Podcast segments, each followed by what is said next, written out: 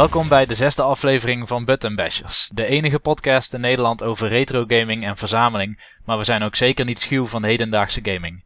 Mijn naam is Niels, ook wel Apenhul op het Palrox forum, en samen met mij zijn Mr. Serious Steve Hoi. en Dynamite Mike, Klopt. ook wel bekend van het Palrox forum. Zeker. We hebben deze week een nieuw onderwerp, namelijk arcade gaming, maar zoals gewoonlijk beginnen we deze keer met Game Talk. Komt de muziekje hier. Beep beep beep beep beep beep.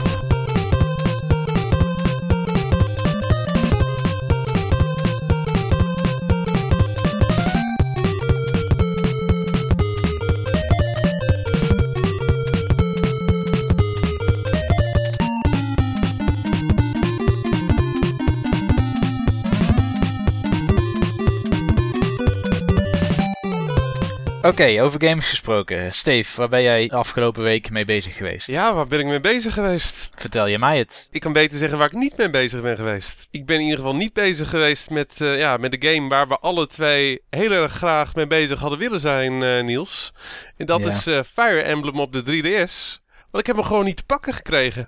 Ik ook niet. Ja, Traumatisch. triest hè? Triest.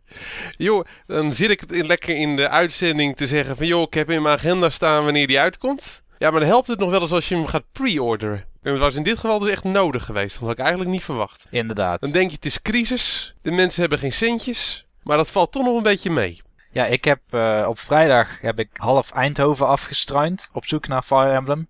Toen ben ik op zaterdag nog naar Sertogenbos gegaan. Alle winkels waarvan ik weet dat ze games verkopen, ben ik langs gegaan. Nergens hadden ze nog Fire Emblem liggen of ze hebben hem niet eens gehad. Ja, ik echt idem dito. Ik echt eh, ja, de hele binnenstad van Gouda afgegaan. Zes zaken die games verkopen. Twee echte gamezaken en een paar zaken die eh, ja, toch wel aardig wat games hebben liggen. Nergens gevonden. Toch is dat raar, hè, jongens? Want Ja. je zou verwachten dat tegenwoordig dat dat niet meer het geval zou zijn dat iets gewoon op is. Ja, zeker is dat raar. Maar ook omdat Nintendo diezelfde fout al heeft gemaakt in Amerika. Waar het spel ook meteen uitverkocht was. Het nergens meer in winkels te vinden was. Misschien eh, ligt het meer aan de winkelketens. Dat die de vraag naar het spel zwaar onderschatten. En dus te weinig hebben ingekocht. Maar het is wel een herhaling van zetten. Ja, nou ja, dat zou natuurlijk kunnen. Dat ze, eh, ik gaf toen al schoorvoetend eh, toe, een podcast of drie geleden, dat ik een Fire Emblem had gespeeld. Ik zal niet zeggen dat ik de maatstaaf ben voor Nederland, maar er zullen vast nog wel meer mensen met mij zijn die dat niet hebben. Dus dan zou zeggen, het is misschien niet zo populair, maar blijkbaar wel. Ik denk ook van dat winkels en winkelketens veel voorzichtiger zijn geworden met hun inkoop. Op het moment van dat je die games tegen de oorspronkelijke inkoopprijs inkoopt en je blijft er maanden en maanden mee zitten om ze vervolgens eh, ja, voor een budgetprijs te dumpen. Ja, ik denk dat het vandaag de dag ook gewoon eh, slechter kan. Maar ja, dit was wel een game die je heel goed had kunnen verkopen. Dat weet ik 100% zeker. Als je ook kijkt naar al die reviews die al uitgekomen zijn op basis van die Japanse en Amerikaanse versie. Ja, ik denk dat het alleen nog heel veel mensen heeft getriggerd. Hebben jullie erover nagedacht om hem dan digitaal te kopen? Want ik zag eh, van de week was ik even in de e-shop eh, aan het rondneus op met 3DS. En toen zag ik dat je hem digitaal kon kopen. Was volgens mij wel 45 euro voor de digitale versie. Maar die is natuurlijk niet uitverkocht. Heeft een van jullie twee gedacht van dan maar digitaal? Nee. Ik ook niet, geen seconde. Joh, ik heb vorige week natuurlijk nog zitten preken van hoe alles digitaal wordt. Ja, Maar eh, ja, als ik op dit moment nog de keuze krijg om een echt fysiek product te kopen. voor eenzelfde prijs of een lagere prijs. Want vaak zijn die digitale edities nog duur ook. Ja, dan eh, ga ik toch liever voor de, eh, ja, voor de echte versie. Kijk, later op, op het moment dat, die, dat zo'n digitale versie 15 euro goedkoper is, 20 euro goedkoper is. Kijk, dan is het een ander verhaal. Maar ja, op dit moment zie ik alleen nog maar nadelen. Ik heb zelfs nog overwogen om die eh, 3DS XL bundle met Fire Emblem pre-installed te kopen. Ja. En dan daarna nog maar de retail versie erbij te kopen. Maar dan had ik alvast iets. Maar zelfs die was niet meer op voorraad. Oké, eh, die ben ik ook nergens tegengekomen. nou, dat is wel heel erg hard gegaan dan. eh. Ja, of we wonen gewoon niet in echte steden, Niels. Dat kan ook natuurlijk. Nee. Wat eh, blijft er nog over? Amsterdam, Utrecht? Enschede jongens. Rotterdam, Den Haag. Oh ja, Enschede, daar gebeurt het. Winkelcentrum Woensel. Die heb ik vergeten. Ik denk dat Enschede, dat het daar niet gebeurt. En dat hij daarom hier nog steeds in de winkels ligt. Ja, dat dacht ik van Gouda ook, maar dat viel toch een beetje tegen. Ja, Nee, maar joh, volgende week, Niels. Volgende week. Ja. Inderdaad. Maar wat heb je wel gespeeld? Nou, ik wil eerst nog zeggen wat ik allemaal heb opgepikt. Want dat was eigenlijk wel een uh, ja, hele leuke ervaring.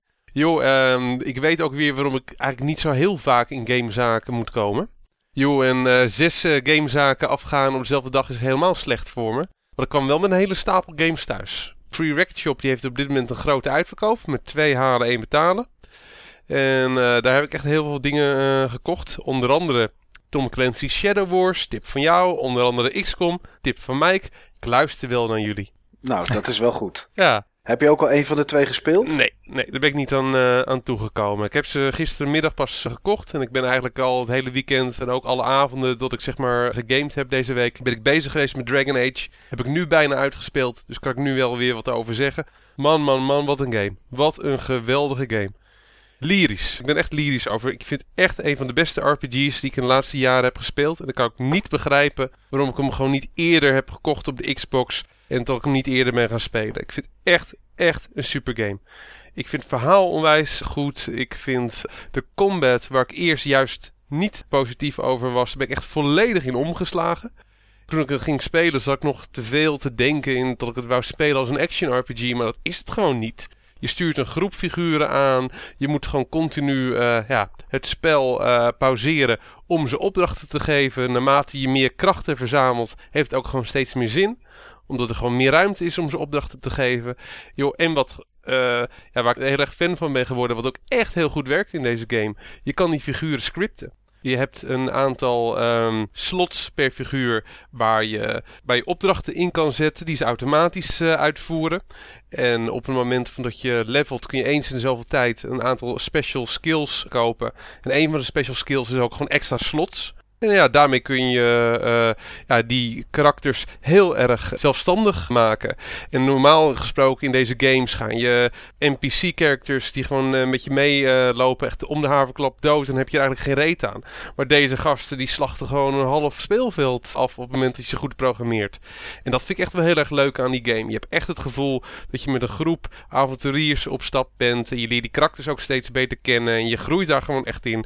Ik vind dat met de eerste Dragon Age BioWare echt een geweldig visitekaartje heeft afgegeven voor het soort RPG's wat ze kunnen maken.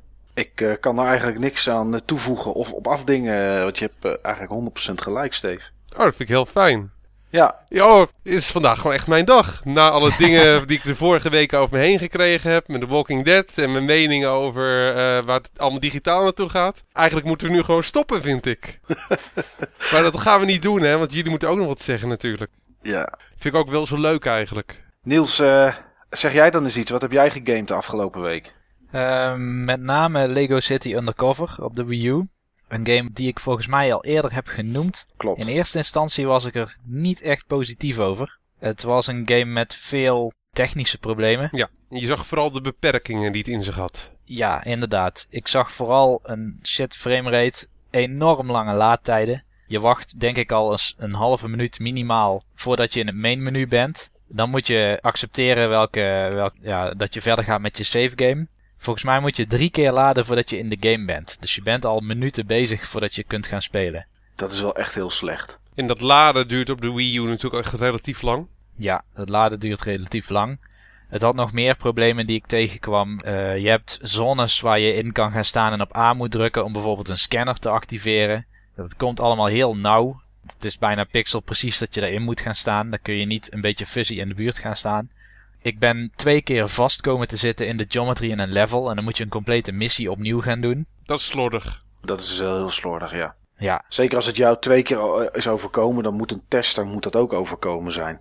Ja, je gaat er op een gegeven moment wel rekening mee houden. En dan kom je er ook niet meer in klem te zitten. Het ding is dat als je op een surface komt te staan wat, wat eigenlijk niet de bedoeling is geweest om op te gaan staan, dan glij je eraf. Maar als jij ergens in een soort nis glijdt, ja, dan kom je er gewoon nooit meer uit. Oké, okay. dat is wel slecht. En er zit ook niet een, een stuk me of zo knop op dat die, uh, dat die je eventjes een paar meter verderop weer terugzet. Nee. Dus dat viel me heel erg tegen. Toen heb ik het spel een week aan de kant gelegd. Toen heb ik het weer opgepakt, want ik las wat impressies van mensen die normaal heel negatief zijn over games, vooral ook op de Wii U bijvoorbeeld. En die waren uitermate positief over deze game. Dus ik dacht, nou, dan laat ik het toch maar weer verder spelen. En inderdaad, ik moet zeggen dat na een aantal uur verder gespeeld te hebben, zit je er wel echt in. En is het zeker de beste Lego game die ik ooit heb gespeeld. En zeker ook een hele goede open world game. Oké, ondanks de beperkingen die er nog steeds zijn. Er is geen, nog geen patch voor geweest of zo, hè? Nee, niet dat ik weet. Het is ook natuurlijk de meest afwijkende Lego game die tot nu toe is geweest. Ja, Nou, dat is ook wel zo. Inderdaad, de laatste jaren, ondanks dat ik er erg fan van ben, is het natuurlijk altijd zijn het Lego games geweest die een, eh, ja, een filmreeks aanhingen en daar, eh, en daar een game omheen bouwden. En dat is eigenlijk wat we de laatste jaren hebben gezien. Er is ook nog een MMO geweest van Lego, maar die heeft het niet zo heel lang volgehouden. Oh, dat wist ik helemaal niet. Ja, ja, Lego MMO. En eh, ja, die hebben ze volgens mij na een maand of 7, 8 is die weer gesloten. Oké, is kort. Ja, trok gewoon niet aan. Het is wel inderdaad totaal iets anders. Ja, het is eigenlijk een soort Grand Theft Auto open world, waarin je een politie bent die undercover gaat. En eh, er is vrij veel te doen in de stad zelf, vergeleken met Grand Theft Auto games. Dus om de missies heen is er nog vrij veel te verzamelen of te zoeken of uit te vinden bijvoorbeeld. Of costumes te unlocken. Maar de missies zelf, als je je committeert aan een missie, net zoals dat je dat in Grand Theft Auto vaak deed, dan worden het eigenlijk kleine Lego games op zichzelf. Dus dan speelt het ook weer echt als een Lego game zoals Lego Star Wars of Lego Batman. Oké. Dat is wel grappig. Wat het dan nog mist natuurlijk is de co-op. Maar dat zal Michael niet echt missen. Nee, nee, dat miste ik niet. Ik heb het eh, wel één of twee keer gedaan. Ik heb ooit eens wel een keer met een kameraad van mij. De eerste Lego Batman hebben we drie dagen ongeschoren, ongewassen, alle twee op een bank gezeten. En Lego Batman met z'n tweeën gespeeld. Zo doe je dat. Ja, zo doe je dat inderdaad. Eh, dat was wel leuk. Maar daarna heb ik het nog wel één of twee keer geprobeerd. Maar de lol was er eigenlijk een beetje snel vanaf. Daarvan lijken ze ook te veel op elkaar. Klopt. Ik denk dat je zelf toen een beetje de kick eraan gegeten hebt. Ja, dat heb ik ook ooit eens een keer gehad met watermeloen. Maar goed, dat is een ander, dat is Ja. een ander verhaal. Ja, sommige mensen zijn er gewoon gevoelig voor. Ja, Laat ik het even eh, eh, kort houden en zeggen. Stel je speelt het spel. Het begin van het spel geeft niet de goede indruk. maar dat is wel lastig. Want dat is, de eerste indruk is wel vaak bepalend. Ik weet dat Ja. Kingdoms of Amalur bijvoorbeeld. Een redelijke open wereld RPG, ook een beetje la Skyrim, om het maar even snel te vergelijken. Ja. De eerste vijf tot tien uur, daar moest je je ook echt doorheen worstelen gewoon. En daarna werd het goed en beter. Maar dat, ik vind dat wel slecht als games dat hebben. Want als een game mij de eerste twee uur niet boeit, ja, weet je, dan stop ik er gewoon mee. Dat is niet slim inderdaad. Marketingtechnisch is het niet goed. Nee. Nee, ik, ik denk dat de game designers het hadden gedesigned om steeds meer interessante dingen aan de game toe te voegen. Want het is echt een waaier aan mogelijkheden, maar die begint echt enorm smal. Dus als je het spel start, dan lijkt het alsof je maar heel weinig in die stad kan gaan doen. Maar je hebt dan nog niet de juiste abilities of costumes om daar echt iets te gaan doen. Ja, Maar als je dus een tijdje verder speelt, dan openen steeds meer mogelijkheden omdat je steeds meer costumes unlockt. En elke costume brengt weer eigen game mechanics met zich mee. En dan kun je weer nieuwe dingen bereiken en nieuwe dingen gaan doen. En ehm, het lijkt een heel kleine stad. Maar het blijkt dat, net als San Andreas bijvoorbeeld, dat er weer een apart stuk stad ver weg gelegen ligt. En ja, die zijn thematisch toch best wel interessant. Dus één stad is gebaseerd op San Francisco. En dan heb je nog een wat meer Aziatisch gedeelte. En een wat meer mediterraan zou ik het willen noemen gedeelte. ja, Dus het is best een interessante omgeving om in te spelen. En als je eenmaal die dingen hebt unlocked dat je wat meer kan gaan doen, dan geeft het ook echt dat open world gevoel. En dan wordt het echt een goede game. Oké, Nee. leuk. Nou, ik zie ook af en toe wel op Twitter eh, voorbij komen dat Nintendo eh, weer een code vrijgeeft om een Pharaoh's kostuum te unlocken of, of wat dan ook. Ja, die zitten er meer dan 100 volgens mij in die game. Het gaat echt heel ver. En ik zal het nooit allemaal zien, want ik denk dat ik de game uitspeel en dan verder ga naar het volgende. Ja, Maar ik heb er in ieder geval veel plezier van. En dat is wel eh, een andere indruk dan die ik in het begin had. Ja, dat is waar het om gaat. Plezier. Ja. Heel leuk. en mooi dat je hem eh, zo bij kan stellen. Ik heb trouwens nog Ja. eventjes op Metacritic eh, zitten kijken net. En eh, ja, eigenlijk zie je daar gewoon een vergelijkbaar beeld van hetgeen wat jij nu eh, zegt. Heeft zowel onder de critics als onder de normale stervelingen die de game echt hebben gekocht, heeft hij een 8.0. En hoor je inderdaad vooral echt positieve geluiden. Enkeling eh, die inderdaad negatief erover is. Maar ook heel veel mensen die hun mening hebben bijgesteld, eh, zie ik. Ja. Dus eh, heel leuk. Hij komt op een Wii U lijstje voor als ik ooit een keer een Wii U zou hebben. Ja, daar is het wel een goede kandidaat voor. De andere game die ik nog heb gespeeld, om ook weer het retro tintje erin te houden, is uh, Streets of Rage. Ah, geweldig. Ja, dat dacht ik wel, dat je daar meteen op in zou haken. Ja. Ik heb overigens de eerste Streets of Rage gespeeld. Die vind ik nog niet zo heel goed. Nee, is die ook niet, niet in, in vergelijking met die andere twee. Precies. Hij is wat traag vergeleken met die andere twee. Je kan nog niet echt trucjes. Je hebt niet die combo's, bijna Street Fighter-achtige combo's die in de latere delen kwamen. Ja. Maar desalniettemin best een aardige beat-em-up. Hij gaf gewoon de richting aan van eh, waar, waar de serie in zou gaan. Toen die Ja. uitgekomen is, was het eh, de beste beat-em-up op de Mega Drive. En toen heeft hij ook hele goede kritiek eh, gekregen. Ik kan me de recensie nog eh, herinneren in Mean Machines en in CVG. Die kocht ik toen allebei. Ja, en dan had ik echt zoiets van, wauw, gave game. Jammer dat ik niet zo'n apparaat heb. Ja, Heb ik inmiddels natuurlijk lang en breed ingehaald. Ik heb ze allemaal. Eh, die tweede, dat vind ik echt de coolste game op de Mega Drive. Die vind ik echt heel erg leuk.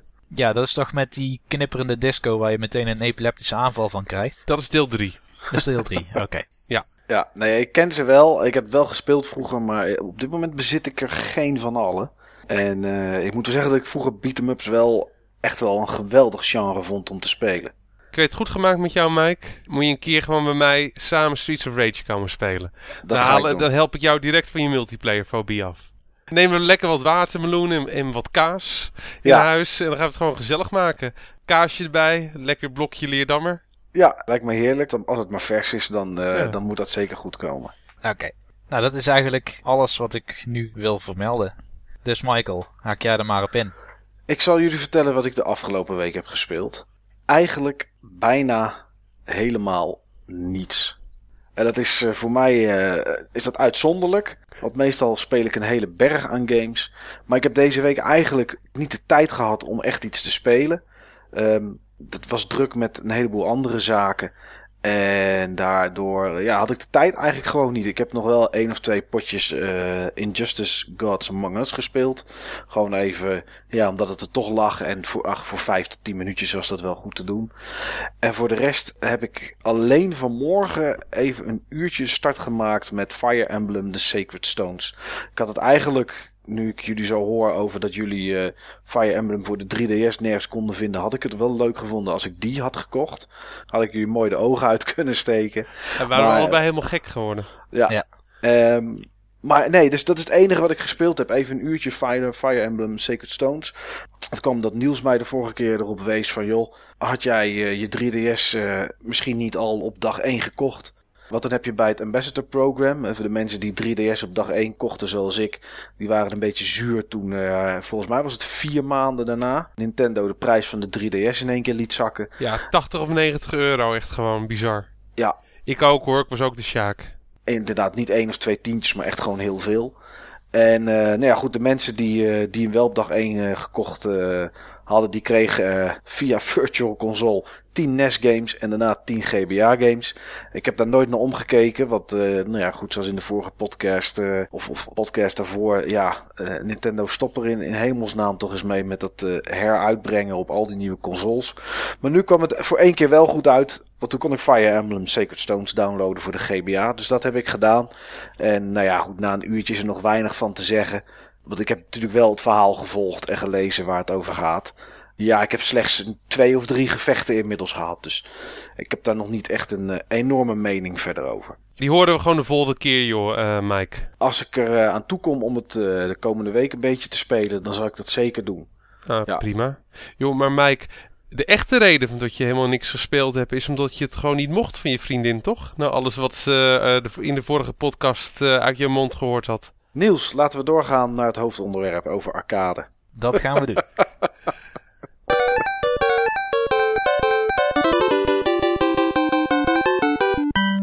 We gaan verder met het onderwerp van deze week, namelijk de dood van de arcade. En daar wil ik een kleine introductie bij geven. Ja, is ook wel een introductie waard. Ja, ik denk dat er ook wat luisteraars zijn die de arcade misschien helemaal niet hebben meegemaakt. Ongetwijfeld. Die jonge kids onder ons. Al die youngsters die we inmiddels hebben bereikt. Ja, nou, de arcade was eigenlijk een soort sociale omgeving om videogames te spelen. Je kwam er bij elkaar, je kon er afspreken met anderen. Er stonden een aantal videogames die vergelijkbaar waren met wat we op consoles hadden.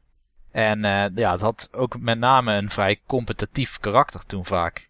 Hadden jullie die indruk ook? Ja, ik, uh, ik weet het nog wel heel goed. Ik woonde zelf toen in Den Haag. En in Scheveningen uh, had je Hommerson. Dat heet tegenwoordig heet het Funland. Ja. En uh, eigenlijk was ik elke zondag was ik in Hommerson te vinden. En de grootste angst en de grootste vraagtekens ook, want dat was ook het mooie uit die tijd, was altijd dat er bepaalde mensen heel erg goed waren in games. En als je dan de highscores voorbij zag komen van die kast, stonden er altijd drie lettertjes op plek 1. En het was eigenlijk een mysterie wie dat nou was. Want er waren bijvoorbeeld met Outrun en met uh, uh, Daytona Beach USA en meer van dat soort racegames waren er gewoon gasten die waren daar extreem goed in. En dan kwam je aan en dan had je zelf een highscore neergezet de week ervoor. En kwam je aan en dan keek je en dan zag je die drie letters van jouw, ja, zeg maar virtuele tegenstander waarvan je niet eens weet hoe die eruit zag. En die stond dan bovenaan. Ja, dat was natuurlijk gigantisch balen, want jij wilde bovenaan staan, maar je wist ook niet of je tegen een ventje van een jaar of tien, wat ik zelf ook was in die tijd, uh, aan het spelen was. Of misschien een boom van een kerel van 35. En ik denk dat was toch, als je het over het competitieve gevoel had in de tijd van de arcadehallen, was dat voor mij toch wel uh, een hoog punt. Ja. Uh, om te kijken van, ja, wie is daar dan toch beter? In Amerika had je ook echt een orgaan die die records bijhield, hè? Twin Galaxies. Toen al? Die is toch pas later gekomen? Twin Galaxies was er volgens mij al vrij vroeg. Ja? Oké. Okay. Ja, die komen voor in de twee documentaires The King of Kong en Chasing Ghosts Beyond the Arcade. Okay. Die gaan eigenlijk allebei over de hoogtijdagen van de arcade. En mensen die nog steeds proberen om records neer te zetten. Ik heb het eventjes opgezocht. Ze bestaan inderdaad al vanaf 1981, 1982. Ja, inderdaad. Toen was de arcade ook echt booming. Ja. Ja. Ik ben benieuwd wat voor vehicles ze toen hadden om die records te delen. Want toen was het internet natuurlijk nog niet opgekomen. Ik ben wel, wel benieuwd van hoe ze toen inderdaad die highscores ook publiceerden. Dat deden ze per videoband. Per videoband. Ja, ik weet wel dat de mensen inderdaad die eh, dachten een record gevestigd te hebben, dat naar uh, Twin Galaxies stuurden. Dan moest je inderdaad filmen. Ik vraag me al- wel alleen af, waar ik benieuwd naar ben, is ehm, als ze dan op een gegeven moment nieuwe highscores hadden bepaald, hoe dat dan de wereld in kwam. En BBS misschien? Ja, ik weet, ik weet het niet. Misschien gaven ze één keer in de maand wel een blaadje uit. Wat, eh, Ja, ik, ik heb het eventjes opgezocht. Er waren bepaalde magazines die, waar ze een sectie in hadden. Oké. Ze hadden samenwerkingsverbanden. Maar goed, was jij een competitieve arcadehalspeler vroeger, Steve? Nee, totaal niet. Ehm, ik had er ook niet echt eentje super dicht bij me in de buurt. Op het moment dat, ehm, ja, dat ik in een arcade was, was echt gewoon eh, bij wijze van spreken het uitje van het jaar. Voor mij de arcade, dat waren twee dingen. Dat was de kermis in Gouda. En dat was Avifauna, een vogelpark in eh Al van der Rijn. Met name Avifauna, daar ben ik gewoon echt zo vaak naartoe geweest eh, voor die arcade. Joh, en ik zal jullie geheim verklappen, ik heb een kuthekel aan vogels. Ik, vind het, ik heb helemaal niks, ik heb helemaal niks met die beesten. En Eh, kinderen. Ja, kinderen ook niet. Dus Nee. eh, joh, het moet je je voorstellen, een vogelpark is gewoon een plek vol met kinderen en vogels.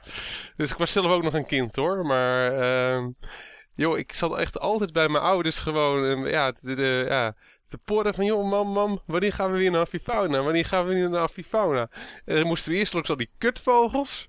En daarna mocht ik dan eigenlijk gewoon die arcade in. En joh, dat was eigenlijk gewoon de echte attractie. Eh, op een gegeven moment hadden ze dat ook wel door. Dus dan gingen we ook gewoon eerst naar de arcade en daarna gingen we nog een paar vogels eh, kijken, omdat we er toch waren. Jo, dan heb ik echt, met name in dat, dat Avifauna, heb ik gewoon echt heel veel games voor het eerst eh, gezien ook. eh Wonderboy in Monsterland, Outrun, Afterburner. Oh, zo'n Afterburner kast, man. Geweldig. Echt zo'n deluxe kast die gewoon echt roteert, die omhoog en omlaag gaat, en links en rechts. Als je daar zeg maar toen die game in speelde, echt magisch, magisch, magisch. Ja. Het was gewoon zo'n intensieve ervaring. Ja, en die games waren gewoon echt zoveel mooier dan, eh, dan je thuis had. Dat heb ik ook wel eens eh, gezegd. Volgens mij ook in een pilot-uitzending. Ehm, de kermis in Gouda is gewoon de reden waarom ik hier nu met jullie zit, eh, zit te praten. En op de kermis in Gouda ben ik gewoon verliefd geworden op het medium videogames. Dus arcade, way to go. En jij, Niels? Nou, vroeger mocht ik nooit naar de arcade, want mijn ouders die hadden eh, het beeld dat het eigenlijk gokken was. Ja. Die van mij ook trouwens, die van mij ook. je zag die kasten wel eens staan bij snackbars Ja. bijvoorbeeld, naast fruitmachines. Dus ja, dan is die link no- nogal snel gelegd. Ja, daar gaat het hard. Ik geloof ook dat in Amerika er op een gegeven moment met pinballmachines een probleem is geweest. Omdat er een wet was tegen gokmachines. En pinball zichzelf opnieuw moest uitvinden om losgezien te worden van fruitmachines en dat soort dingen. Oké. En videogames hebben daar misschien wel eh, net zoveel last van gehad in die tijd. Dus in die tijd heb ik bijna nooit een arcade game gespeeld. Heel incidenteel mocht ik eventjes bijvoorbeeld een beat-em-up spelen met mijn broer samen. Of op zo'n motor zitten waar je helemaal naar de zijkant moest gaan hangen. Ja. ja, geweldig. Van Sega was dat geloof ik. Maar ja, dat zijn dingen die ik in die tijd heb meegemaakt van de arcade. Ik heb wel een aantal jaren terug een stuk meer van, eh, van het arcade leven kunnen genieten. Want toen was ik een maand in Japan en daar is het nog steeds booming business volgens mij. Ja, het lijkt me echt geweldig om te zien. Daar ben ik echt wel jaloers op van dat je dat gewoon hebt mee kunnen maken. Ja, de- ik, bijna elke avond zat ik wel in een arcade iets te spelen. Of dat het een spel was wat ik al kende. Bijvoorbeeld Super Mario Bros. Die heb je daar ook gewoon in kabinetten staan. Of een spel wat ik nog nooit heb gedaan. Dat je bijvoorbeeld een of andere Tekken game speelt. En opeens staat er, here comes a new challenger. En vervolgens raakt je karakter de vloer nooit meer. Ja, Loop dat, je maar snel naar een andere au- automaat. ja, dat is geweldig. Via een andere kast geschakeld in een netwerk of via echt iemand die naast je op, diezelfde apparaat, op datzelfde apparaat gaat staan? Dat eh, was een kast in hetzelfde netwerk. Oké. Dus die zit vaak tegenover je daar. Ja, dat vind ik ook wel leuk, van dat je daar allemaal van die geschakelde kasten hebt. Ja, dat hadden ze in, eh, in Scheveningen, in Hommerson, en nu dan Funland ook. Eh, zoals ik zei, ik, ik kwam daar vrij vaak, op een gegeven moment zelfs elke week. En ze hadden er ook, eh, Virtua Fighter hadden ze daar ook in kastvorm staan. En er stonden er vier van in een soort van klavertje vierachtige opstelling. En ik was daar aan het spelen, in mijn eentje. En het was een game waar ik redelijk bedreven in was eh, in die tijd. Ik nam altijd karakter Wolf, want het was een, een, worstelaar. En daar kon je een clothesline mee maken. En omdat ik behoorlijk een fan was van de WWF in die tijd, eh, vond ik dat daarom een gaaf karakter. En toen kwam er zo'n groepje naast mij staan. eh, bij de andere kast en ik was gewoon aan het spelen. En het waren allemaal, allemaal Chinese jongeren, om het maar even zo te noemen. Nou, dan heb je het per definitie eigenlijk al verloren, toch? Dus niet. En, Oh, dat, was, en dat was gewoon het mooie. Wat hetzelfde als wat, eh, wat nieuws had in Japan, had ik daar. Ik zag in één keer een nieuw challenger. En ik keek zo naar rechts. Toen zag ik iedereen zo een beetje lachen en een beetje gniffelen. En ik zag zijn karakter komen. En ja, goed, ik won. Twee rondes, vrij gemakkelijk. En toen zag ik het hele clubje zag ik afdruipen. Het enige waar ik van baalde was dat ik mijn gulden, want het was nog in de tijdperk van de guldens, dat ik mijn gulden kwijt was. Ik had wel gewonnen, maar ja, het was daarna over gelijk. Maar dat zijn toch wel herinneringen, eh, die, die vergeet je nooit meer, want het gaf zo'n overwinningsgevoel. En dat was zo goed om dat te doen. En dat had ik hetzelfde met, eh, waar jij het net over had, Steve, met eh, die Afterburner eh, Deluxe kast, die, waar je helemaal rondjes in kon draaien. Ik weet dat op Scheveningen kostte die vijf gulden om te spelen. Ehm, behoorlijk bedrag in die tijd. Ja. Eh, maar goed, ik wilde het wel een keer doen. Alleen de kast had wat kuren. En die kuren was dat terwijl ik schuin ondersteboven hing, Ja. de game vastliep. Kloten.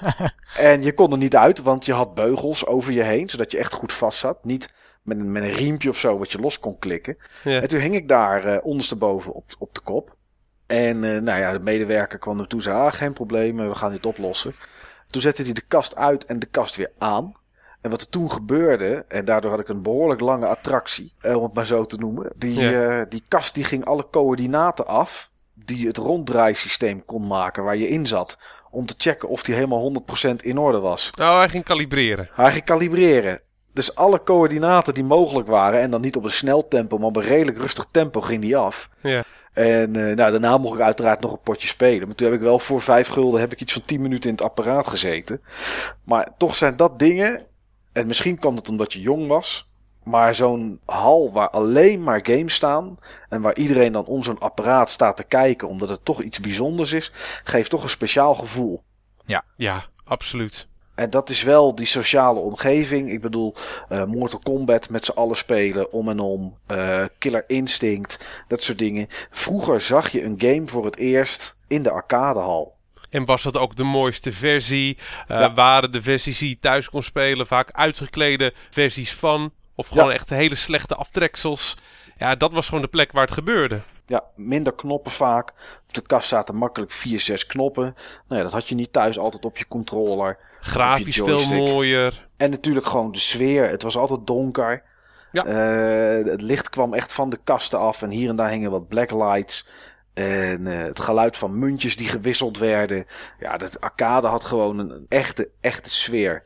Ja, joh, e- eventjes een zijstapje. Hebben jullie Wreck-It Ralph al gezien? Nee, ik heb hem wel liggen. Ja. Zeg ik, want ik heb hem natuurlijk gekocht. Ja. Maar ik heb hem nog steeds niet gekeken. Ja, aanrader. Echt heel erg leuk. Joh, ik weet niet of jullie de kans hebben om, om ook om in eh, 3D te kijken. Maar ik heb hem toen ook met een paar maten, toevallig allemaal gasten van het Paul Rocks Forum, ben ik toen, hem, eh, toen hij net uit was in Scheveningen gaan kijken. Ja, echt een leuke film. Ik heb eh, wel de mogelijkheid om hem 3 in 3D te kijken. Want zowel mijn mediaspeler als tv eh, die doen, eh, doen aan 3D. Oké, joh, eh, dan zou ik zeker die versie eh, pakken. Ik weet niet of jij dat ook hebt, Niels? Ja. Nou, joh, dan kunnen jullie hem tenminste kijken zoals hij ook eh, bedoeld is. Wat mij betreft vanavond gaan doen, want hij is echt de moeite waard. Hij is echt heel erg leuk. Voor de volgende podcast heb ik hem zeker gekeken. Leuk. Ja, ik wil nog trouwens iets zeggen over. ehm, ik ben in Japan op zoek gegaan naar Taito Hei. Op internet kwam ik tegen dat dat toch wel de big place was om te zijn. Dat is een arcade of zo, Niels? Ja, dat is Van- een arcade. Van vier etages, als ik het goed heb, hè? Minstens vier etages in ieder Ja. geval. Ehm, ik ben er heel lang naar op zoek geweest. Ik was in allerlei ar- arcades geweest. En ik las dus van oké, dat is echt de arcade waar vaak toernooien en dat soort dingen worden gedaan. Waar je de echte goede spelers tegenkomt. En ik zat compleet in het verkeerde district in Tokio te zoeken. Ik vroeg hier en daar wat mensen, waar is Taito Hey? En iedereen helpt je en die zegt, nou het is volgens mij deze straat doorlopen. En dan kom je wel inderdaad wel bij een arcade uit, maar dat is niet degene die ik bedoelde. Maar op de laatste dag, geloof ik, de dag voordat ik naar huis ging, liep ik nog door een straat. En ik kijk naast me en ik zie Taito en ik zie Hey. Maar het was maar een super smal zaakje. Met alleen maar een paar van die grijpkasten en van die dingen waar je prijzen kan winnen. Alleen er zat ook een trap. En ik neem die trap omhoog. En serieus, de eerste verdieping waar ik op kom, alleen maar shoot-em-ups. Ja. Gigantisch grote verdieping. Ja, ik heb nog nooit zoveel shoot-em-ups bij elkaar gezien. En er was ook een toernooitje eh, aan de gang met zo'n bullet hell shooter. Waar je eigenlijk alleen maar kogels over het scherm ziet vliegen. En er is nog één vierkante centimeter vrij. En daar Ah, zit jij met jouw scheepje in. ja, Ik ben niet gemaakt voor dat soort spellen. Ik vind ze wel leuk, maar ik ben er ook niet heel erg goed in. Ik heb een PC Engine en ik heb echt heel veel van dat soort spellen, maar ik ben er zo fucking slecht in. Echt waar. Nou, ik heb dus echt mensen daar met een single credit tussendoor zien manoeuvreren en enkele eindbazen zien te verslaan. Het is echt geweldig om mee te maken. Tweede verdieping, compleet vol met fighters. Street Fighter 2 en Mortal Kombat, alle delen tot aan, ja, wat was toen ook weer het nieuwst? Volgens mij Super Street Fighter 4. Oh ja. Ja, Ja. het zal wel. Ja. En Tetris-kasten heb ik gezien. Mensen die Tetris, die echt misschien wel eh, vijf of zes blokjes per seconde weten te plaatsen. Eh, absurd snel. Eh, je, ze hebben zo'n stick van zo'n arcadekast eigenlijk onderhands vast. En ze maken extreem snelle bewegingen met hun hand. En dan zetten ze die blokjes dus op hun plaats met Tetris. Ja, dat is heel apart. En ik heb daar eigenlijk voor het eerst die oude games kunnen spelen als eh, Space Harrier. Op de originele arcadekast. Met Die heb ik ook gespeeld in Avifauna. die, die, die, die, met, die, met die grote onderhandelbare joystick erop. eh, nou, dit was een versie die ook naar links en rechts ging. Dit was een deluxe eh, versie. Ik weet niet meer waar Ah. je precies mee speelde. Ik weet nog wel dat die game weer een paar van die klote vogels waard was. Ja. Nou ja, in ieder geval, ja, zo'n Taito Hey laat een, eh, een hele goede indruk op je achter. En het is heel leuk om te zien dat ook s'avonds dat er van die Japanse businessmen nog in hun pak en al toch eventjes daar nog een fighter komen spelen of een of ander eh, mecha robot vechtspel. Die ze dan met z'n vieren tegen elkaar kunnen gaan spelen. Dat je die mensen daar ook tegenkomt. Was het daar druk, Niels? Leeft het Ja. daar nog zo dat het ook echt afgeladen is? Nou, in die wel. Ik ben ook wel bij wat arcades geweest en daar is het dan wat minder druk. Dus dan kun je eigenlijk praktisch alles spelen wat je wilt. Maar in die Taito, ja, de populaire kasten zijn wel altijd bezet. Dat verlangt toch wel terug naar vroeger. Ja, zeker. Ik heb trouwens even gecheckt. Het was inderdaad met die grote joystick. Ja, Met die haast bijna homoerotische knuppel erop, inderdaad, ja. laten we dan verder gaan met de games. Oh, dit is zeker weer een moment voor een jingletje, toch? Alle leuke dingen snijdt Niels tegenwoordig uit met een jingletje hoor. Dus als jullie weten dat er een jingletje voorbij komt, dan was het eigenlijk gewoon te leuk om te delen met jullie. Ja, of, of Steve had weer een aparte mening. Of ik had gewoon weer iets stoms. dat kan ook. Maar laten we sowieso verder gaan. Ja, laten we dat vooral doen. De games die we hebben gespeeld, de arcade games, welke zijn daarvan het meest bijgebleven bij jou, Steve? Ehm, de eerste, dat was de eerste arcade game die ik ooit heb gespeeld. Dat was Donkey Kong Jr. Heb ik hem heel kort gespeeld, ik ging vrij snel de pijp uit. Ik wist bij god niet wat ik moest doen, maar dat was de allereerste arcade game die ik ooit heb gespeeld. Dus ja, dan blijft dat je automatisch ook, uh, ook bij. Verder eentje die me absoluut is bijgebleven, dat is uh, Double Dragon. Double Dragon heb ik ook gezegd in de pilot. Dat is eigenlijk ook gewoon een beetje de reden geweest waarom ik zo graag een Nintendo wou. Ik had het gevoel van, joh, dat spel, dat zou daar wel eens op kunnen komen. Dat ding, dat kan dat wel. En ik heb achteraf ook gewoon een vooruitziende kijk gehad. Net zoals ik ook een vooruitziende kijk ga hebben met waar het allemaal digitaal naartoe gaat en zo, hè. Knip. Ja, maar um, dat vond ik gewoon echt zo'n geweldig uh, spel. En uh, ja, dat, dat genre, dat spreekt me gewoon ook heel erg aan. En dat vind ik ook echt horen bij een, uh, bij een arcade. Ja, de game waar ik het langst mee gespeeld heb. Want het voor mij echt de belangrijkste reden was om steeds weer naar Avifauna te gaan dat was, uh, ja, was Wonderboy in Monsterland. Dat vond ik echt een hele, hele leuke game. Later heb ik pas doorgehad van, uh, ja, tot die dus van Sega was en dat die gewoon niet uit kon komen op mijn Nintendo. Omdat er twee concurrerende bedrijven waren, wist ik veel toen ik klein was. Dus ik zat altijd te wachten, joh, wanneer komt die game nou eens een keer op mijn Nintendo? Wanneer komt die game nou eens een keer op mijn Nintendo? En ja, vervolgens een paar jaar later denk je, wow, daarom niet. Ja, heb je hem nu op je Sega Mega Drive? Tuurlijk, tuurlijk. Ik heb hem op mijn Mega Drive en ik heb, uh, alle, ik heb alle vervolgen heb ik ook. En ik vind het gewoon echt een hele leuke serie. Uh, ja, verder, we hebben hem al genoemd natuurlijk, die Afterburner kast. Dat was gewoon een uh, prachtige ervaring.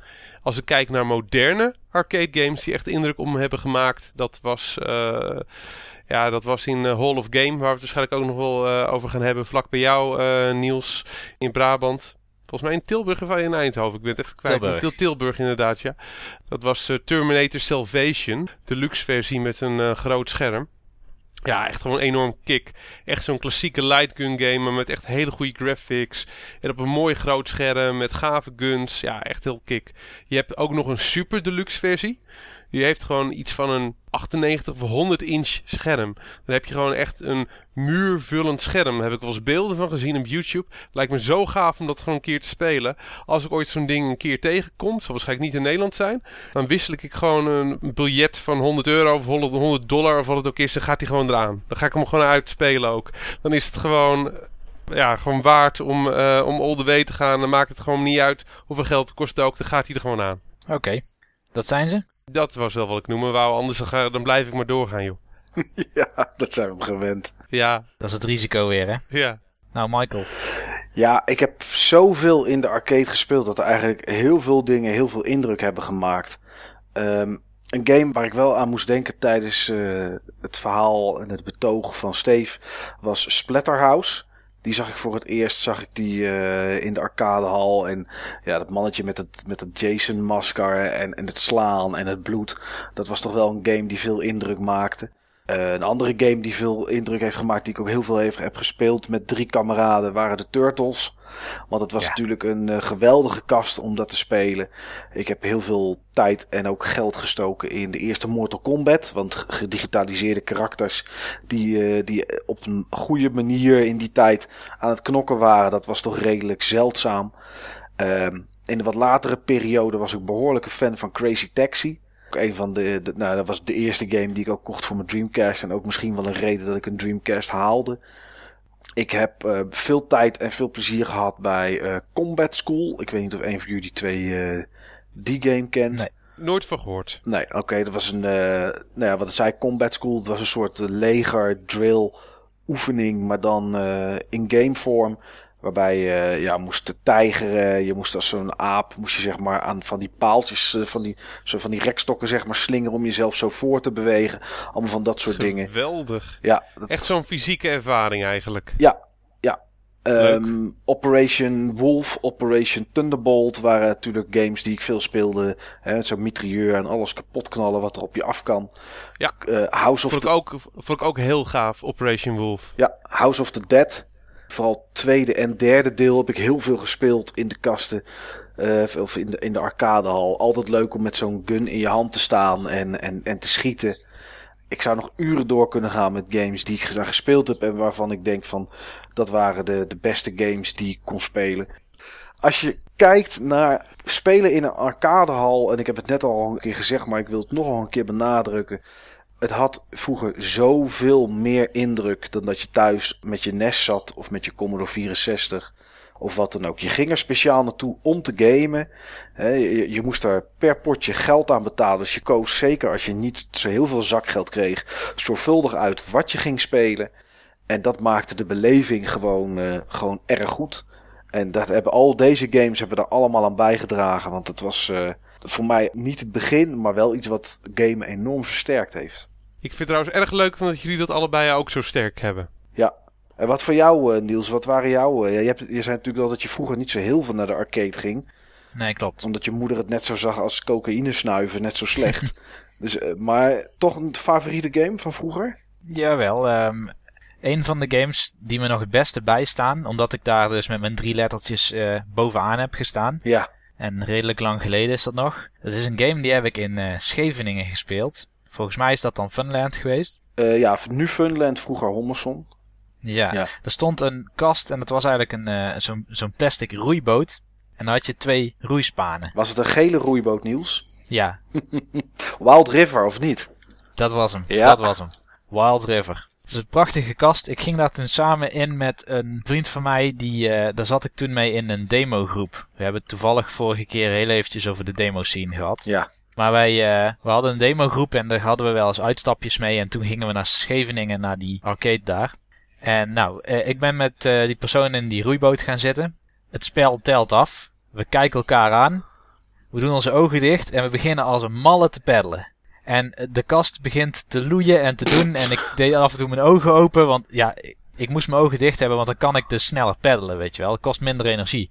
Af en toe mijn ogen open. Er stond elke keer slow down, slow down. Een bocht naar links, bocht naar rechts. Een grote draaikolk in, uh, in de rivier. Ik heb het eigenlijk nauwelijks meegemaakt. Gewoon peddelen, alles wat je maar kan.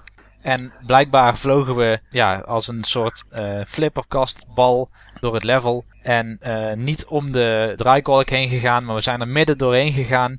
Maar gewoon door de enorme snelheid waarmee we aan het peddelen waren, kwamen we daar midden doorheen. En we hadden het level gehaald en we hadden de topscore. Overigens stond zo praktisch iedereen die in die arcade was te kijken waar al dat kabaal nou precies vandaan kwam. Want uh, ja, natuurlijk hoor je die roeispanen, die maakten nogal wat herrie als je ze op dat tempo waarop wij aan het roeien waren, aan het bewegen was.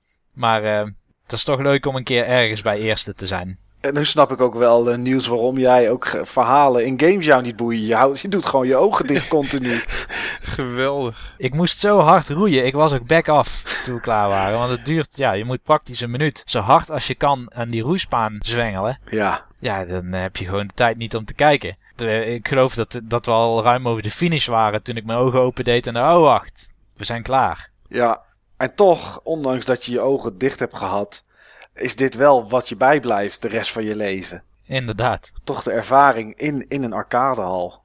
Ja, een ander uh, spel waar ik nog goede herinneringen aan heb is het Asterix en Obelix, de arcade versie.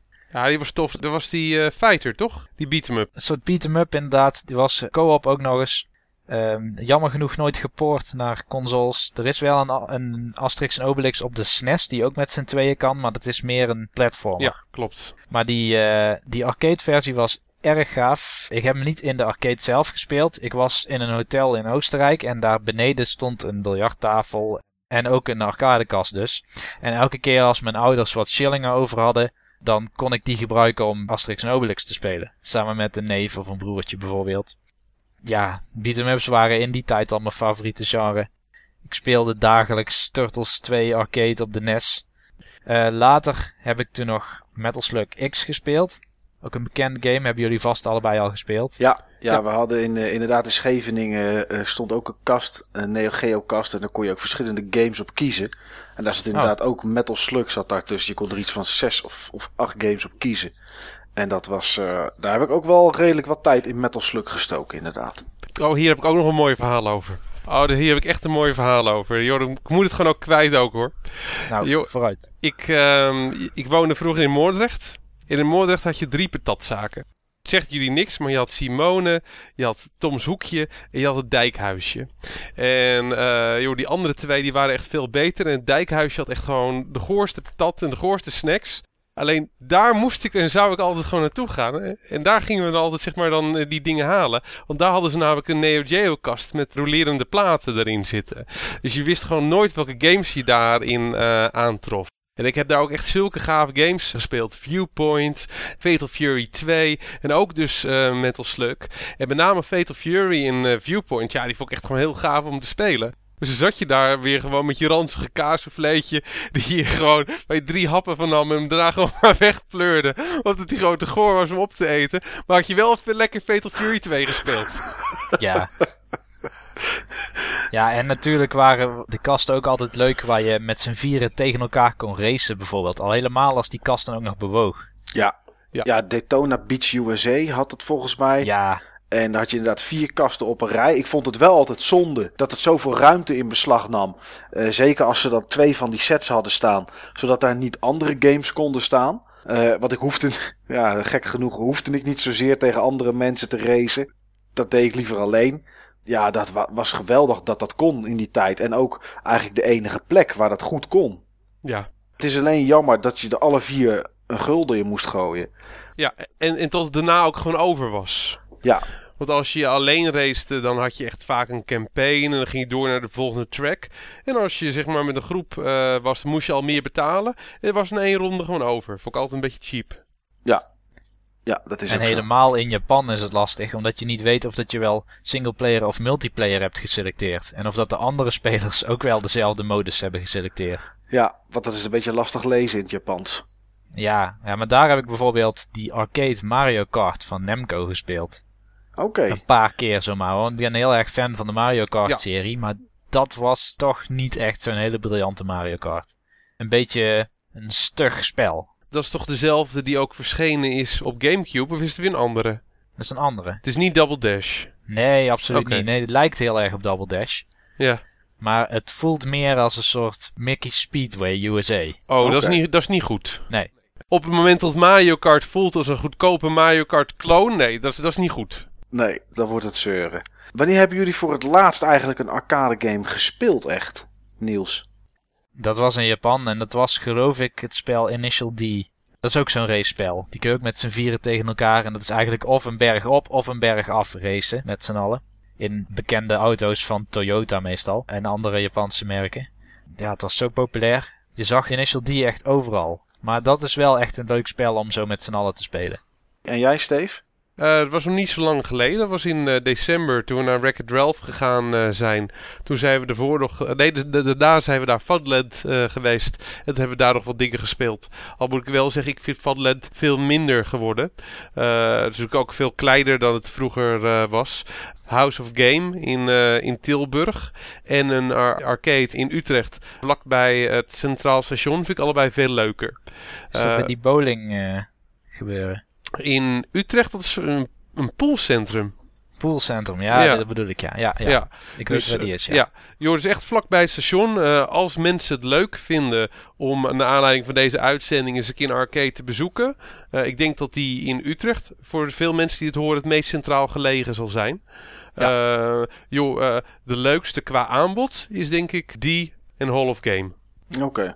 De laatste arcade game die ik gespeeld heb is denk ik in januari of februari geweest. Want bij de bioscoop hier in Enschede staan een aantal kasten. Er staat een, uh, ik weet niet of het Dance Dance Revolution is, of maar in ieder geval iets in die trant. Echt zo'n arcadekast met van die pijlen op de grond waar je op moet stampen om te dansen. Daar begeef nee, ik... dat is hakken. Ja, nou daar doe ik dus niet aan mee. Want dat, uh, dat vond ik niet interessant. Maar wat er ook staat, en dat waren kasten waar ik vroeger ook wel gek op was, is een Deadstorm Pirates. Nou, ik denk niet dat jullie hem kennen. Nee. Hij is niet zo heel nieuw. Hij is een jaar of twee, drie oud. Maar het is een, een kast uh, waar je echt in gaat zitten op een bankje met z'n tweeën. Uh, je moet er dan volgens mij wel een 2 of 3 euro in gooien om te spelen. En het is puur een, een shooter. Net zoals vroeger Operation Wolf en Operation Thunderbolt was. Alleen dan wel van ja, de huidige generatie. En uh, ja, je hebt een soort pilotenstuur heb je in je handen, zo met twee handen vast. En daarmee schiet je. En, en uiteraard met, uh, met trillen en feedback. En ja, daar moet je het hele scherm mee, mee schoonmaken. Wat er aan, aan tegenstanders op je afkomt. En ja, dat is de laatste die ik gespeeld heb. Omdat ik iets wat ik vroeger niet had, maar tegenwoordig wel meer. Toch eerder grijp naar een flipperkast dan naar een arcade game. Ja, vind ik ook echt geweldig flipperkasten. Ja, ja, alleen de staat waarin ze tegenwoordig zijn, uh, ook daar in, in de bioscoop in, in Enschede staan er dan ook twee. Uh, die wisselen gelukkig wel. Het is niet elke keer dezelfde. Alleen ja, de veren die aan de flippers zitten, die, ja, die worden niet altijd goed genoeg onderhouden. Waardoor er weinig kracht soms achter flippers zit. En dat vind ik dan wel jammer. Maar goed, flipperkast is misschien voor een andere keer interessant om het over te ja. hebben. Ja, maar dat is dus de laatste, ja, de laatste game die ik gespeeld heb. Deadstorm Pirates. En, hij ziet er heel gaaf uit trouwens. Ik heb eventjes ja. uh, zitten kijken nu net. En uh, ja, hij lijkt me echt tof. Ja, is echt leuk om te spelen. Ik heb nog wel een grijs gebied. En dat is? Die wel heel arcade aandoet. Want het zat ja. ook in een soort arcade. En dat was een soort Pilot Wings clone in Sega Joypolis.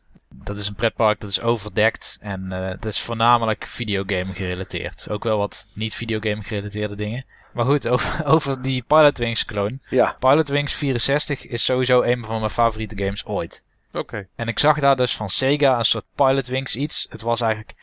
Uh, je ging zitten in een soort van zo'n kermisstoeltje. Weet je wel, je kun je met z'n tweeën kun je erin. En je had zo'n zo'n stang voor je, net als in een Delta vlieger. Oké. Okay die kun je van je afduwen en dan ga je omhoog en naar je toe trekken en dan ga je naar beneden. Als je daar een voorstelling van kan maken. Ja. Dan hang je dus in zo'n kuipje. Daar word je in geholpen door een, ja, door een Japanner of een Japanse. En die zegt dan wat tegen je. En je moet overal hai op zeggen, wat ja betekent. Want waarschijnlijk vraagt ze of dat je hartklachten hebt. Gezien, ja, precies. precies. Dat soort dingen. Of dat je zwanger bent of wat dan ook. En dan zeg jij dan hai op. Ik zeg hi, want ik weet niet wat ze zegt, maar uh, ik wil daar gewoon in. Jij is zwanger en Niels zegt hi. Hi. Maar goed, uh, ik mocht in ieder geval gaan, want ik had blijkbaar de indruk gewekt dat ik snapte wat ze zei. En uh, vervolgens word je aan het plafond een kamertje ingehesen. Een beetje op dezelfde manier als bijvoorbeeld de droomvlucht in de Efteling. Je hangt in een soort van stoeltjesliftachtig mechaniek. En je wordt daar dus in zo'n soort bol gereden. Een witte bol. En daar binnenin projecteren ze dus zo'n uh, Pilot Wings-achtig spel. Waar je dus door ringen heen moet vliegen. En uh, ook andere mensen ziet Delta vliegen en eigenlijk een race speelt. Maar daarbij, als je dus vaart maakt en dat je hard naar beneden gaat, dan komt er dus ook wind in je gezicht. En uh, volgens mij, maar dat kan ook een andere attractie geweest zijn die, waar ik daar was geweest, kun je ook het water raken en dan word je ook nat en dat soort dingen. Dat is echt uh, oh, dat is wel heel erg gaaf. een hele bijzondere ervaring. En, en die wind, dat doen ze met turbines, neem ik aan. Ja. Oké. Okay. Oké. Okay. Dat was ook wel gaaf. Dat, uh, dat heb ik toen ook gedaan de laatste keer dat ik in Funland was. Daar had je daar ook een arcadekast waarbij je niet kon spelen. Dat was echt alleen maar een ervaring. Dan ging je gewoon liggen. En dan kon je zeg maar zelf kiezen welke ervaring je dan zeg maar in die uh, kast uh, kreeg. Uh, je kon kiezen uit eigenlijk zes filmpjes. Dan was een van de versies, dan zat je in een soort met van potracer. En dan voelde je echt gewoon ja, die wind alsof je heel hard uh, aan, aan het racen was. En de andere versie, dan had je zeg maar, uh, dan was je een bal in een flipperkast. En uh, dan ging je echt gewoon heen en weer. En ja, dan had je het gevoel alsof je continu zeg maar afgevuurd werd. Dat was wel heel apart. Maar geen game, maar wel gewoon iets met een hele arcade-achtige ervaring. Ja, even kijken. Dan heb ik nog één ding. De arcades in Nederland, waar mensen nu nog naartoe kunnen. Je hebt het al een beetje genoemd net, Steve. Je noemde de Hall of Game in Tilburg. Dat is waarschijnlijk ja. de grootste op dit moment in Nederland.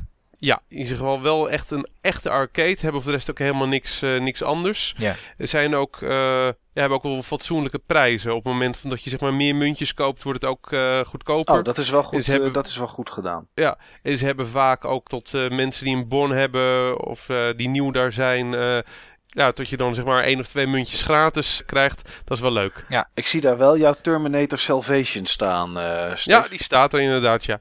Die heb ik daar gespeeld inderdaad, ja. Ze hebben ook een website en dan kun je inderdaad zien wat ze op dit moment hebben staan. Ja, ik zit nu even te kijken. Ik zou het leuk vinden om naartoe te gaan, maar ik moet wel zeggen dat er niet zo heel veel tussen staat waar ik euforische gevoelens bij krijg, eerlijk gezegd. Het zijn wat meer moderne dingen, hè? Ja, het is Time Crisis 3, House of the Dead 3. Nou, dat is dan wel leuk. Uh, er staan ja, twee flipperkasten. Er staat een Tekken 5 en een, en een Metal Slug zie ik. En een Air Hockey en een F-Zero. Maar... Die F-Zero is wel heel erg gaaf hoor. Maar ik, ik mis toch wel mis ik een bepaald soort kasten. Ik mis een Operation Wolf. Hè, dat zou geweldig zijn als, als je dat nog ergens zou hebben om te spelen. Ja. En een, een, ja, voor mij dan, omdat ik het leuk vond, een Splatterhouse of iets. Maar goed, sowieso is het eigenlijk iets waar je wel een keer naartoe zou moeten. Want het, je moet eigenlijk blij zijn dat het er nog is. Ja, ik, ik vind ook wel dat we een keer daar met z'n drieën naartoe moeten. Dat is wel iets wat ik ook op mijn persoonlijke lijstje had staan. Ja, nou dat moeten we zeker een keer doen. En daar moeten we misschien eens een leuke video uh, maken in plaats van een podcast. En naast Hall of Game hebben we ook nog een andere Funland in Scheveningen. Is daar recentelijk nog iemand geweest? Ja, ik in december dan. In december, dat is recentelijk. Ja, nee. In retro uh, perspectief. Ja, nee, ik niet. Uh, ja, wat ik zei, vroeger heette het Hommerson en, uh, en kwam ik er veel. Er was er ook nog een Hommerson CQ Funland in het centrum van Den Haag. Uh, waar ook altijd wel een gokgedeelte bij zat. En ik had ook op een gegeven moment wel het gevoel in de latere, latere stadia dat het gokgedeelte, het arcadegedeelte in leven hield. Het liep op een gegeven moment toch een beetje terug. En ja, Funland, ik ben er, ik kom elke week in Den Haag, maar ik ben er recentelijk niet meer geweest. En ik denk dat ik dat toch eens ga veranderen. Misschien dat ik deze week wel heel stiekem eventjes ga kijken. Jo, wat ze daar inmiddels nu ook hebben staan, um, zijn wat kasten, wat eigenlijk gewoon grote Android-telefoons uh, zijn. Dan heb je gewoon eigenlijk een heel groot touchscreen, een 26-inch uh, touchscreen, of was het misschien wel 32 inch of zo. En dan kun je daar zeg maar Infinity Blade of Fruit Ninja op spelen. Dat is wel heel leuk en actueel. Oké. Okay. Uh, ik wil nog wel ja. één ding nu je toch over touch. Uh, ik weet dat we aan, qua tijd een beetje uit de normale periode lopen al. We, we, lopen al een beetje uit. Maar er is één ding waar ik nog wel even iets over wil zeggen. Want ik heb het gevoel dat die er mede verantwoordelijk voor is voor de dood van de arcadehal. Behalve dat gamen thuis uh, mooier werd en op een gegeven moment natuurlijk 80 euro uh, gulden. Dat je zelf een game had die je dan kon blijven spelen. En dat zijn de touchscreen games. Op een gegeven moment is er een hele invasie geweest van, van, van die gameapparaten met een touchscherm erin. Waar je tien verschillen moest zoeken op plaatjes. En dat soort dingen. Echt, daar werden games voor weggehaald.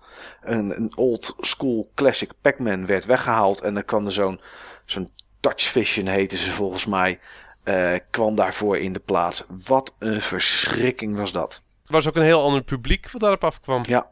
Ja, nee, dat vond ik echt een ramp. Maar dat wilde ik gewoon even zo even tussendoor gezegd hebben, Niels. Dus... Ja, dat is goed. Ik weet wat je bedoelt. Die zie je nog steeds soms in uh, snackbars staan, bijvoorbeeld. Klopt. Op cafés. Ja. ja.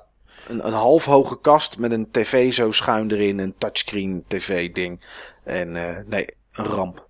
Ik denk overigens wel van dat de populariteit van games thuis en uh, hoe makkelijk ze te krijgen zijn en hoe goed dat allemaal tegenwoordig is. Ik denk dat dat er wel toch aan bijgedragen heeft van tot de arcade gewoon de weg naar beneden heeft ja. uh, gemaakt in Europa en Amerika. Ja, dat denk ik ook. En ik... Het is gewoon minder bijzonder dan vroeger. Ja, het heeft minder impact omdat het thuis uh, bijna mooier is en mooier kan. En ja ik denk dat een arcade game nu, als je die uitbrengt, dat de gimmick eraan, dus een, een, een, een lichte gun, of het zitten in zo'n bakje en, en, en helemaal heen en weer geschud worden, dat dat de truc is om mensen om nog in zo'n apparaat te krijgen. Ja, klopt. Maar uh, ja, wat ze in Japan dan hè, nog wel hebben, zoals we van Niels hoorden, met het sociale aspect. Ja. Ja, dat, is, dat hebben we hier niet. Nee, dat, dat competitieve element, dat hebben mensen gewoon tegenwoordig veel meer vanuit, uh, ja, vanuit internet. Ja, klopt. En daarom denk ik dat het uh, een stuk minder is. Maar ik vind het wel doodzonde, al is een tweede wel dat ze ook niet goedkoop meer zijn.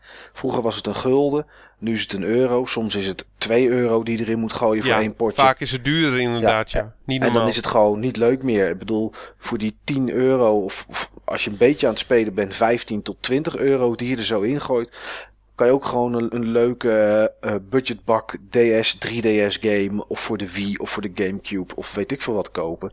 En daar heb je dan toch vaak wat meer lol aan voor dat geld. Eens, eens.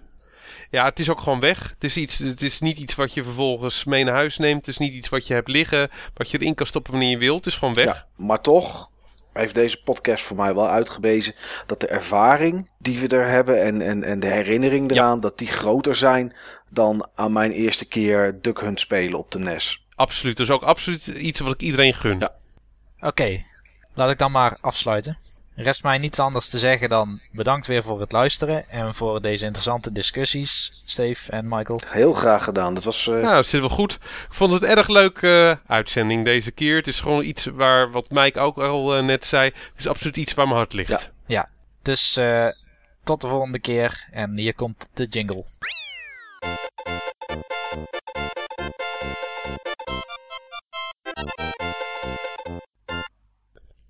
Joh, maar Mike, de echte reden van dat je helemaal niks gespeeld hebt, is omdat je het gewoon niet mocht van je vriendin, toch? Nou, alles wat ze eh, de- in de vorige podcast eh, uit je mond gehoord had. Niels, laten we doorgaan naar het hoofdonderwerp over arcade. Dat gaan we doen. Hier pak ik weer een jingletje in, hè? Ja. ja. gered door het, jingle, door het jingletje, Mike. Ja. Gered door het jingletje. Fuck you, Steve.